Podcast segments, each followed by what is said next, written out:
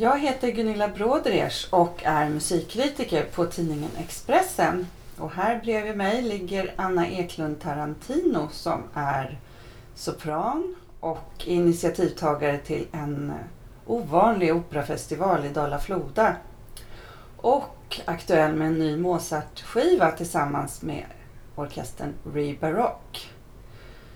Dessutom så är Anna Eklund Tarantino en av de flitigaste musikerna på Kungliga slottet.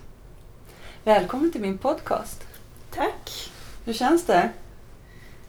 Det är lite ovanligt att ligga ner för mig överhuvudtaget. Jag, jag står och springer mest. Och somnar över datorn.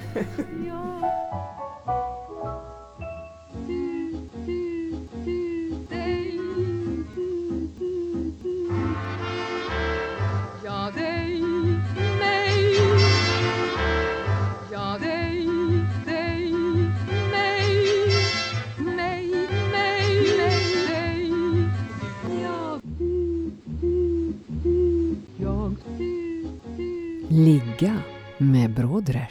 Igår så skickade du en länk till mig på, eh, som ligger på Youtube. Och den hade inte mer än 87 visningar såg jag. Men jag fastnade totalt. Du är med på det där klippet.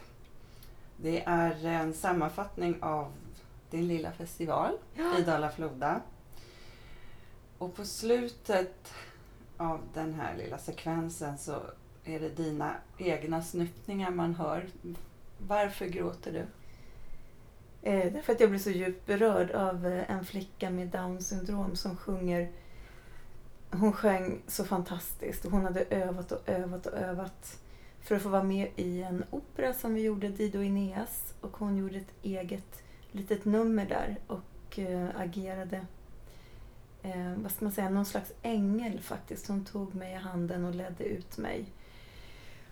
Och sjöng sin sång och jag blev bara helt, helt tagen och grät så det skvalade. Du var, du var lite oförberedd på det. Eller? Ni står precis längst fram i koret och hon står bredvid dig och, och sjunger sådär öppet och eh, ja, fint. Och det är en väldig laddning i, i, det känner man ju i hela kyrkorummet där. Mm, ja, men jag, jag blev bara så ohyggligt tagen av, av henne, av lilla Hanna. Hon, hon går rakt in. Vad vill du med den där festivalen? Jag vill att det finns ett vi. Jag har jobbat så pass mycket nu och så pass länge inom musikvärlden. Och sen har jag också hela tiden haft en fot inom, vad ska man säga, funktionshindrades eh, värld. Jag tycker inte om att benämna olika människor på olika sätt. Men faktiskt så är det så att jag jobbar för ett vi. Jag tycker att det kan hända fantastiska saker om alla får vara med. Och då menar jag verkligen alla. Vi har alla tillkortakommanden eller, och vi har begåvningar och jag vill bara att helt förutsättningslöst att man bjuder in alla att göra en föreställning och, och också blanda upp det med proffsmusiker eftersom det är väldigt det tar för lång tid om man har amatörmusiker men om man har proffsmusiker som en grund också av kostnadsskäl och sen låter då både ortsbefolkning och någon kör från något annat ställe vara med. Och sen folk som känner lust till att göra någonting tillsammans. Och då, då bjuder jag in alla. Kommer alla? Eller vilka är det som kommer då? Och är med. Ja, Ja, det var förvånande. Det var, det var flera stycken från orten som kom och frågade om de fick vara med. Och eh, det var helt fantastiskt. Och de, de kom ju efteråt och sa att de hade varit med om någonting väldigt stort. Och sen hade vi två stycken speciella ungdomar då, som jag kallar det för. Som, som, eftersom det var första gången så hade vi handplockat dem lite grann dit. Och de var så duktiga. De var helt fantastiska. Och de, faktiskt de personer som gick bara rakt in i hjärtat utan att passera någonting. Man, man blir helt tagen av de här fantastiska ungdomarna. förutom den här flickan med, som har Downs syndrom så var det då en, en pojke vad jag uppfattar. Mm. Ja. Det är en pojke med Asperger. Och han heter Leo, kan jag säga. Och han... Dels är det när man har Asperger att man ofta känner sig utanför. Och att man gör fel, att man inte passar in, att man inte lyckas med saker. Och självförtroendet är jättevacklande. Men eh, här i den här sekvensen så säger han, och efter föreställningen så sa han att han kände sig stolt. Och det är också en sån här sak som bara kändes helt underbar. Att han kunde få känna sig stolt över någonting som han hade gjort och som han hade tränat på. Mm.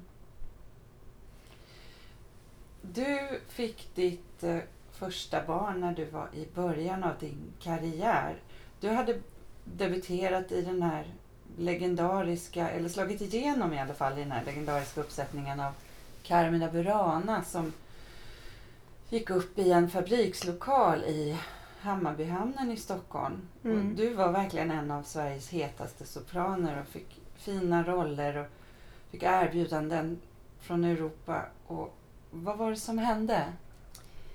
Ehm, Jag fick ju Mattias 94 och eh, då när han kom så dels så hade han ju ett gravt hjärtfel plus massor av andra handikapp.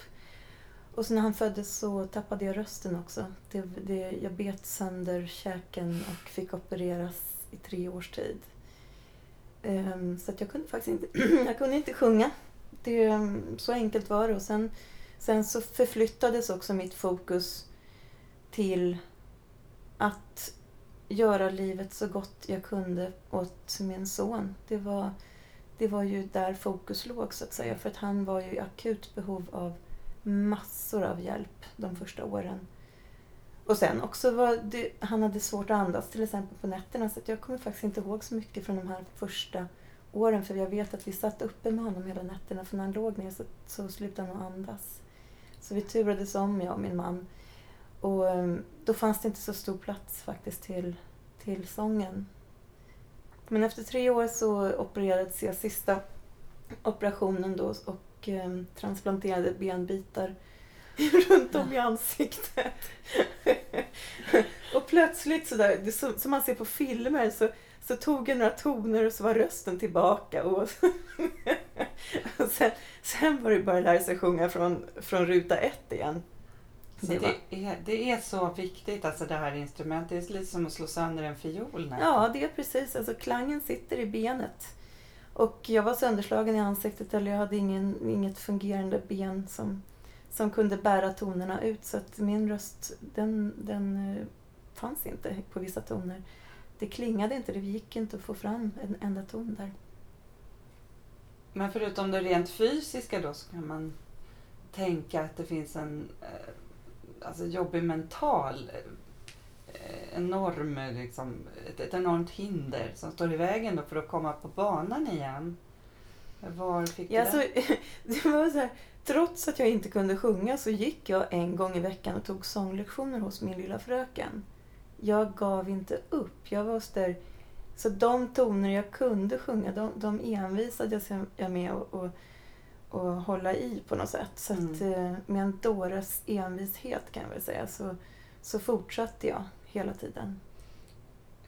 Ja, det är kanske är en lite nördig fråga och lite ovidkommande i det stora hela, men hur lät det då? då? Alltså, hur- Det lät ju inget bra. Det, jag fick ju hoppa av konserter och sånt där som jag, hade, ja. som jag var engagerad för. Och det, det var ju ganska tufft. Jag, jag vet att jag åkte ner till Malmö för att göra Rigoletto och eh, jag, jag gick aldrig på någon repetition för att jag sjöng upp mig och märkte att det, det skulle inte bära. Så att jag Nej. åkte hem igen med min lilla bebis under armen. Vad har, eh, det är en jättefråga, men vad har Mattias lärt dig om livet? här och nu. Ehm, och att ingenting är självklart. Det, det är nog...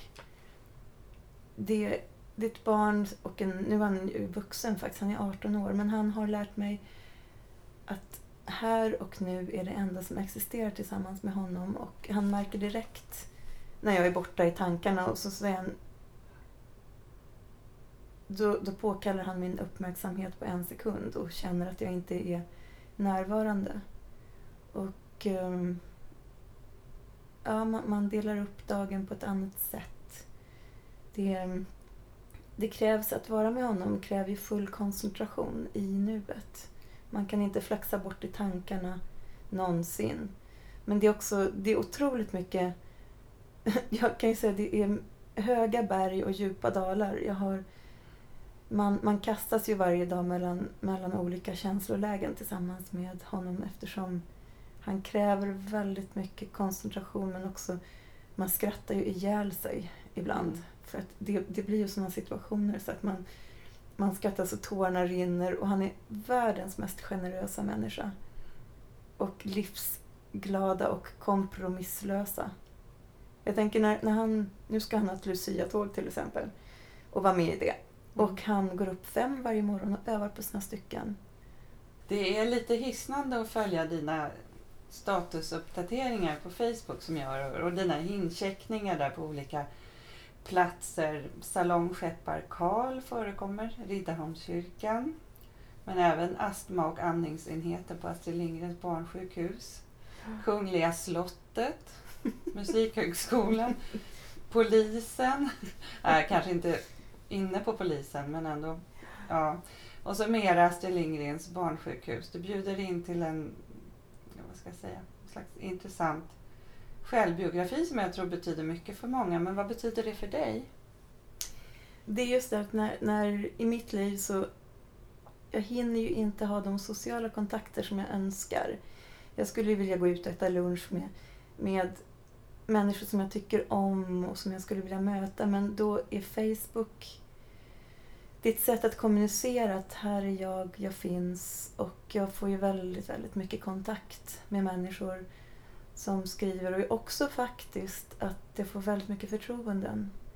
Det är många, många som, som öppnar sina hjärtan för mig och eh, många som kanske sitter i samma situation som hittar mig och eh, jag kan också hjälpa en del på, på vägen faktiskt som, eh, ja, som sitter i knepiga situationer och, och där jag själv har suttit som jag kan få iväg till rätt hjälp på vägen.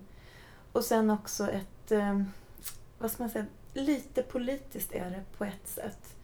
Därför att vi hamnar i många situationer som, som man ibland inte tror är sanna med ett handikappat barn. Det, det är inte så, eller ett funktionshindrat barn och det är inte så enkelt. Och många skattebetalare tror att saker och ting fungerar men vi märker ju att med ändringar av som sker politiskt så sker det också ett utanförskap ibland som vi hamnar mitt i och som kan vara väldigt dramatiskt. Och, eh, jag agerar alltid när jag hamnar i situationer eftersom jag är sån där människa som inte kan hålla truten. Så att jag skriver alltid till politiker och jag skriver till makthavare, jag skriver till ambassadörer och jag skriver när jag tycker att någonting är fel. Ehm, för att jag tycker att det är min plikt att göra det eftersom jag är, är, jag är välutbildad och jag kan föra min talan och orkar göra det. Och jag ser ju att många råkar väldigt illa ut som inte har högskoleutbildning, som kanske kommer från andra kulturer och inte vågar sätta sig upp mot myndigheter.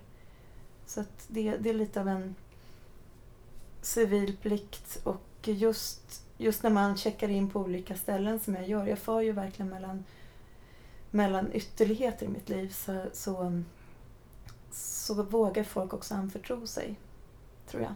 Mm. Du menar att den här eh, transparensen gör att eh, folk tar, vill ta kontakt med dig? Jag tror det. Jag, jag, ehm, jag försöker att bjuda på en del... Jag balanserar ju där mellan privat och personligt. Men jag försöker att visa på att man kan... Det finns vägar. Det privata är ju politiskt. Som Ja, man brukar precis. Säga. När eh, torka, tårar, torka aldrig tårar utan handskar visades på tv, då, då skrev du på, på Facebook att du blev påmind om när du själv jobbade på Roslagstull med aidssjuka.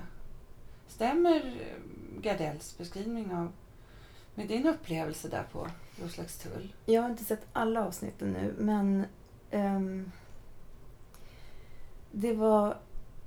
jag var ju jätteung, jag kom direkt från gymnasiet och med ung så menar jag att jag var väldigt oerfaren från resten av livet. Jag hade bara upplevt gymnasieskola och hem i princip. Mm. Och sen kom jag till Roslagstulls sjukhus och mötte homosexuella för första gången i mitt liv. Jag mötte jättespännande människor och sen så kastades man rakt in i någonting som man faktiskt inte visste vad det var. Och jag jobbade ju där då precis när aids kom till Sverige. Och det var ett otroligt hemlighetsmakeri runt sjukdomen och det viskades i korridorerna och vi var på möten som kallades för informationsmöten där, där faktiskt då läkarna upplyste att de hade inte en aning om vad det här var för någonting. De spekulerade i att det kom från apor i Afrika och att det fanns i USA.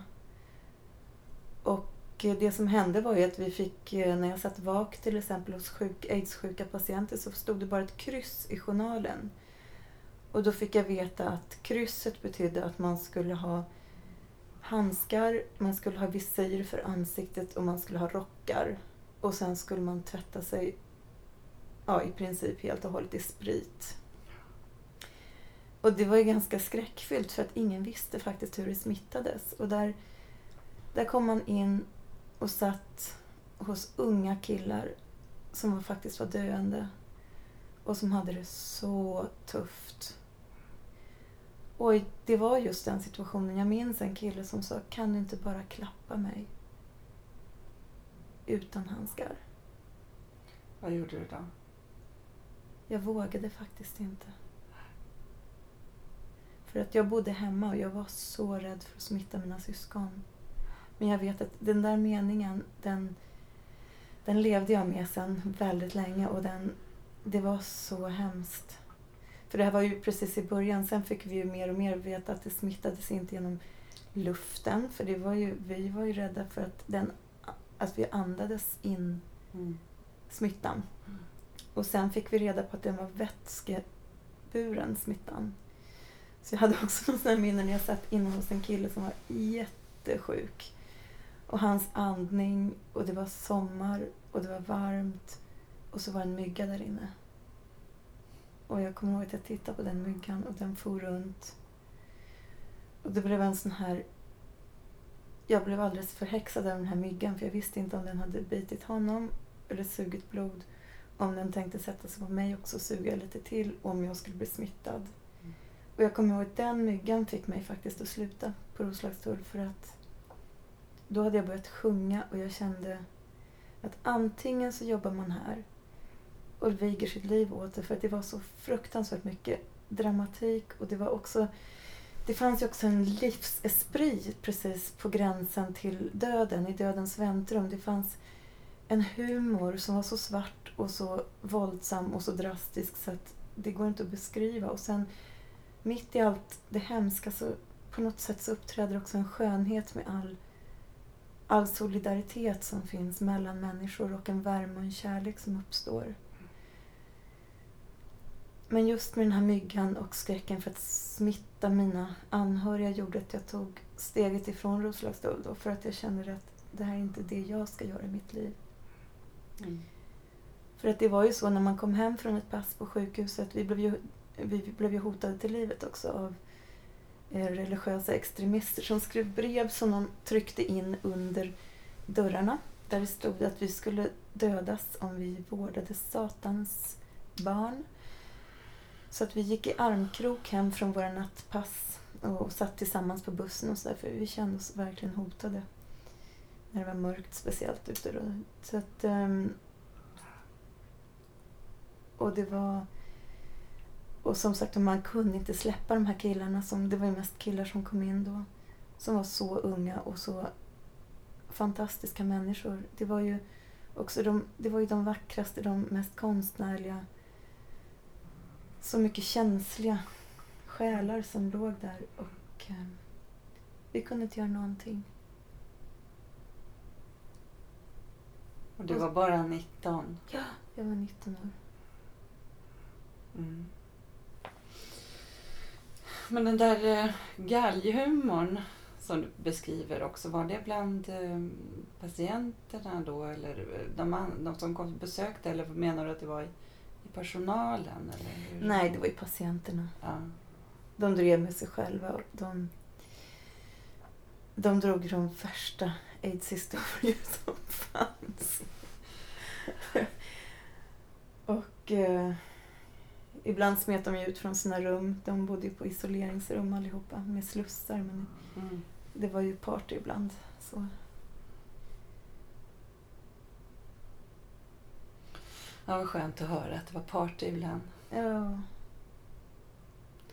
Men eh, du kland, du har inte liksom, har- du dåligt sam... Är det något som skaver i dig och liksom, som du har? Ja, alltså det, i och med att vi inte visste då hur det smittade så känns det så hårt, just som jag berättade den här Mm. när jag inte kunde ja, klappa den här killen. Eller, vi fick ju heller inte ta oss handskarna. Vad gjorde du då? då? Alltså vad gjorde du istället? Jag la min hand på honom på täcket. Ja. Vi satt ju intill hela tiden. Och så kändes det ju så konstigt när anhöriga kom och vi satt med handskar och visir och de anhöriga kom helt utan skydd och satt där. Mm. Och det var ju mycket skuld och, och outredda familjeförhållanden. Och det var just det här med homosexualiteten också som inte var... Det var ju inte öppet för många. Ehm, har du alltid varit den där arbetsmyran? Mm. Du har inte precis varit en, en belastning för skattebetalarna om man säger så. För du har, du har bekostat väldigt mycket, många av dina egna evenemang eh, med, på olika sätt vad jag förstår. Mm. Vad har du för, vad har du för eh, relation till den institutionaliserade eh, musikvärlden så att säga? Um, operahusen och konserthusen och sådär. Ehm, det görs ju jättemycket bra saker. Men jag känner att jag måste, jag måste handla efter mitt hjärta och min egen, mitt eget, min egen övertygelse och min lust. Och för mig så är konst på liv eller död. Och det är inte alltid jag känner det från institutionerna. Att det handlar om liv och död. Utan det, där handlar det ibland om säkra kort. Och Um, det, det fungerar inte riktigt med mig tror jag. Du är lite mer som en osäkrad revolver. Jag måste testa. Jag, må, det måste, jag tror att konstnärlighet måste också få misslyckas. Eh, Det måste få gå åt pipsvängen ibland för att det ska, ska kunna bli stor konst av saker. Och jag, jag är bara i början av det jag vill göra och jag känner att jag har massor av idéer som sprakar omkring i huvudet hela tiden. Och eh, jag har stora projekt på gång som jag vill utföra och det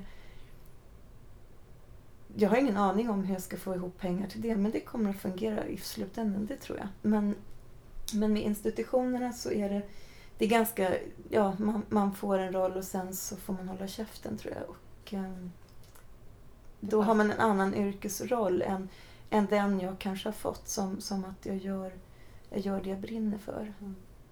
Nyligen så var jag på en barockkonsert där du och Rebarock igen då gjorde musik av Rameau. Det, Mm. var på, det var på slottet. Det var på slottet. Och eh, det innehöll eh, både dans och eh, musik och sång. Men eh, vad jag förstår, jag, det framgick inte riktigt tydligt, så var allting dövtolkat.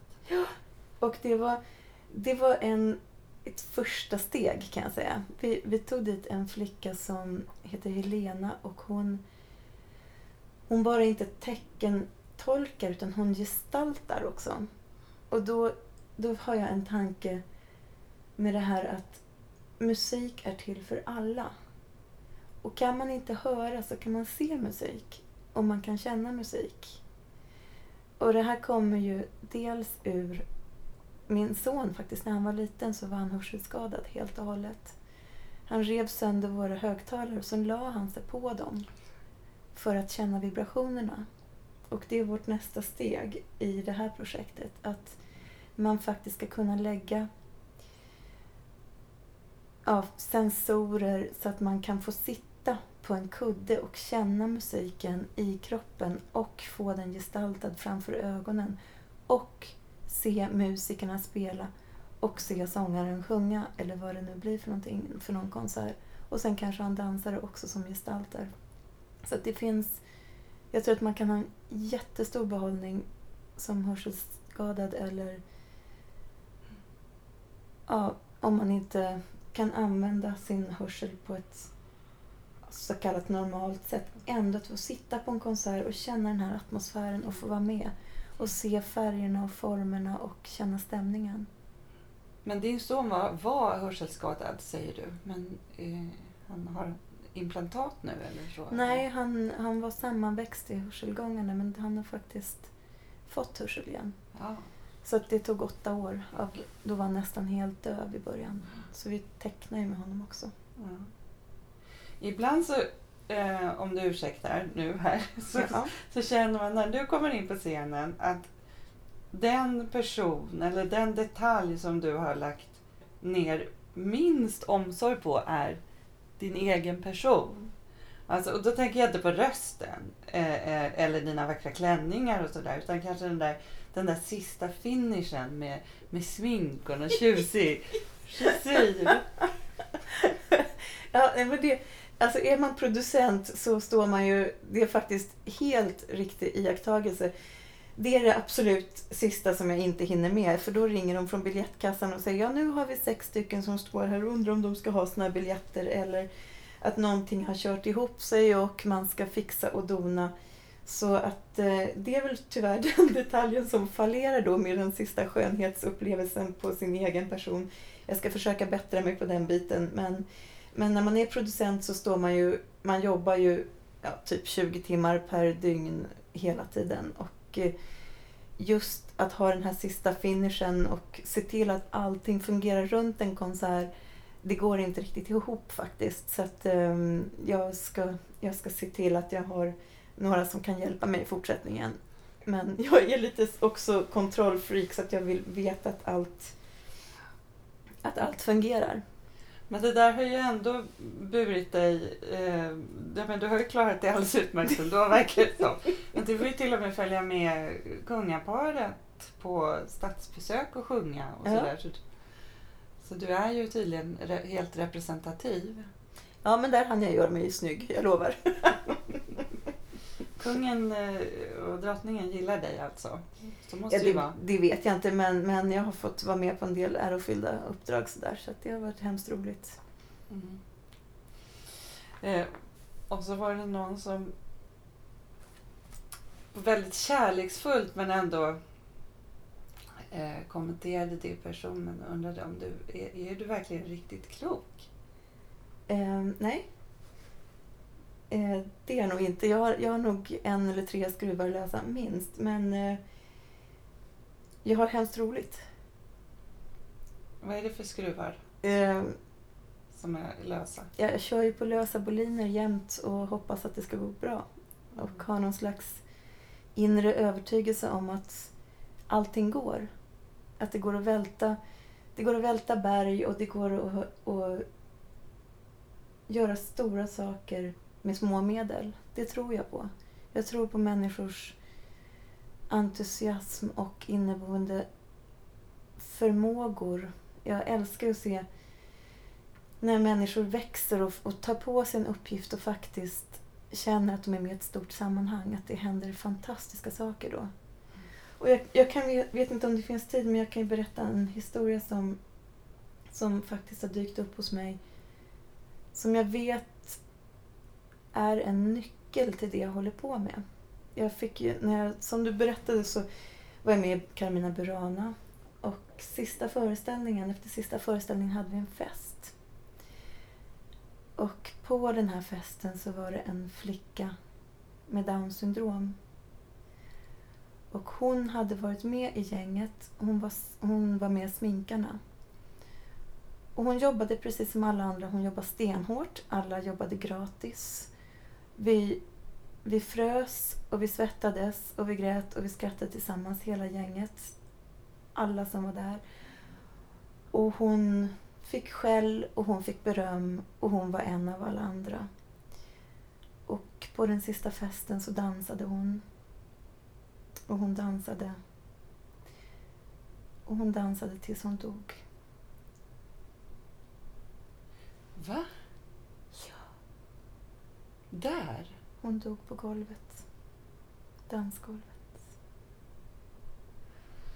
Hon var 20 år gammal och ehm, Vad hände? hennes hjärta brast. Eller det gick, hon hade hjärtfel så att jag tror att... Ja, det, det är jättesvårt att spekulera på något sätt men, men jag vet att under den här perioden så var hon lycklig. Det finns filmsekvenser och hon fick vara med. Hon var en av alla och hon fick vara med. Och hennes, hennes historia den har suttit under min hud hela tiden. Det här med att få vara med. Det, det är verkligen på liv och död. Att liksom vara i, i konsten och sjunga tills man stupar. Ja.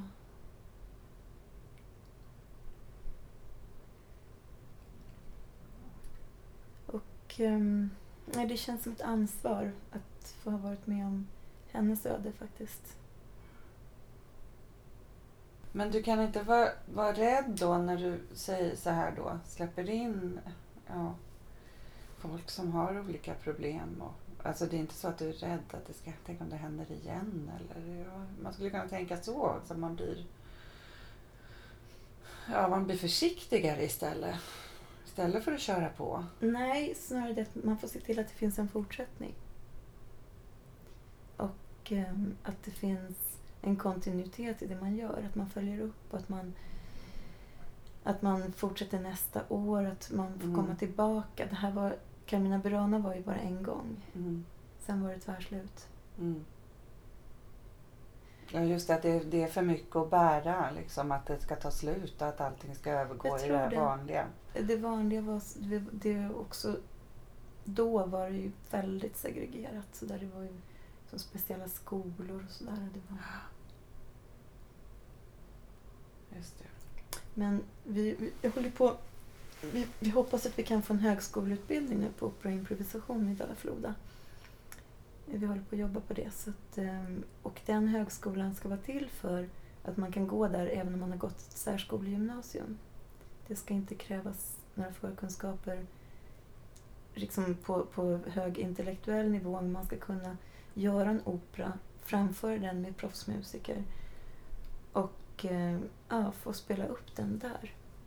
Och känna att man faktiskt har högskolepoäng.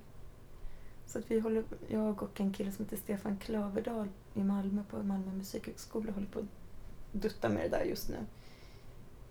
Så då får man bo där och så får man skriva sin egen opera så får man hjälp av en kompositör och en, en kvinna som håller på med scenspråk. Och så får man uppföra den med proffsmusiker, kanske göra någon roll själv om man vill. Mm. Eller också får man ha kompisar eller sångare. Proffsångare, det får man välja själv som gör den. Och så får vi skrapa ihop scenografi och faktiskt uppföra den också då inför publik. Ja, det kan ju också låta cyniskt, men vad ska man göra med sina högskolepoäng då? Sen så kan man fortsätta kanske nästa år och bygga på och lära sig ännu mer om komposition. Ja, för att det finns säkert väldigt många kompositörer genom konstnärer genom tiderna som har haft eh, som är odiagnostiserade så att Ja, säga. herregud. Halva vår yrkeskår är väl för fasen odiagnostiserad. finns väl inte en musiker som inte har en bokstavskombo. Herregud, nej, vi, vi, det består ju bara en massa knäppskallar som håller på.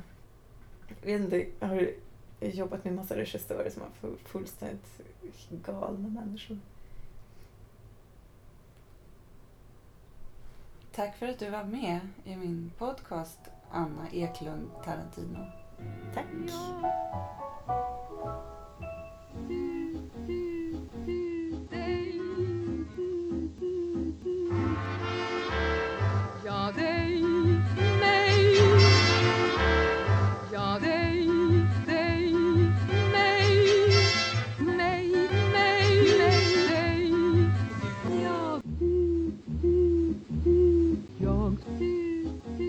Ligga med Brodrej.